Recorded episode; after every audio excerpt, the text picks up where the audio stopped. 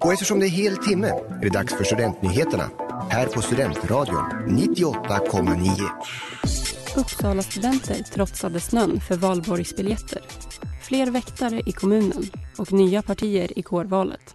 Det här är veckans nyheter. På tisdagsförmiddagen den 29 mars kunde man se fiskmåsar som festade på Riddartorget nedanför domkyrkan. Resterna de gjorde sig mätta på hade lämnats kvar där efter att ett hundratal studenter trotsat snön och tältat utanför Stockholms nation under natten. Anledningen till tältningen var att Stocken på tisdagen släppte biljetter till sitt valborgsfirande. Nationen hade på Facebook informerat om att det var förbjudet att köa på deras område innan biljettsläppet öppnat. Därav den inofficiella campingplatsen på Riddartorget. När nationen öppnade dörrarna klockan åtta på morgonen gjorde sig kalla studenter redo bland filtar, tält och stolar för att ställa sig i den officiella kön på nationsområdet. Personal från nationen gav stämplar till studenter som hade stått i kön längst. Men detta skulle inte ses som en garanti för biljett utan var en lösning som togs fram för att hålla ordning under biljettsläppet. Enligt nationen räckte inte biljetterna till alla som köat i parken men chansen att få biljett till valborg är inte över eftersom det är möjligt att få biljett också på plats under evenemanget. Flera andra nationer har också haft biljettsläpp för valborg de senaste veckorna och fler kommer framöver. Möjlighet att köpa inträde i dörren finns på flera av nationerna.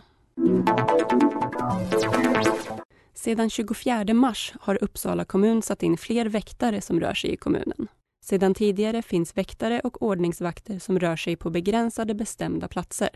De nya väktarna ska agera på aktuell lägesbild och röra sig obehindrat i kommunen baserat på löpande analyser av var de behövs mest.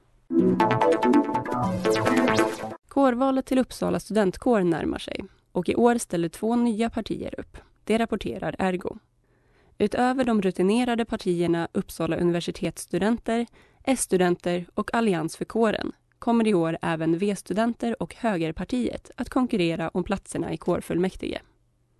Årets kårval hålls 7-21 april och i hopp om att öka valdeltagandet kommer kåren också att skänka 10 kronor per röst till välgörenhet.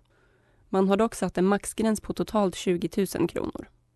Varje person som röstar får välja om ens tia ska gå till Unicef, Läkare utan gränser eller Röda Korset. Alla som blivit medlemmar i Uppsala studentkår innan 31 mars i år är röstberättigade. Du har lyssnat på nyheterna i Studentradion 98,9 som producerades av Jessica Fernandez och mig, Amanda Jansson.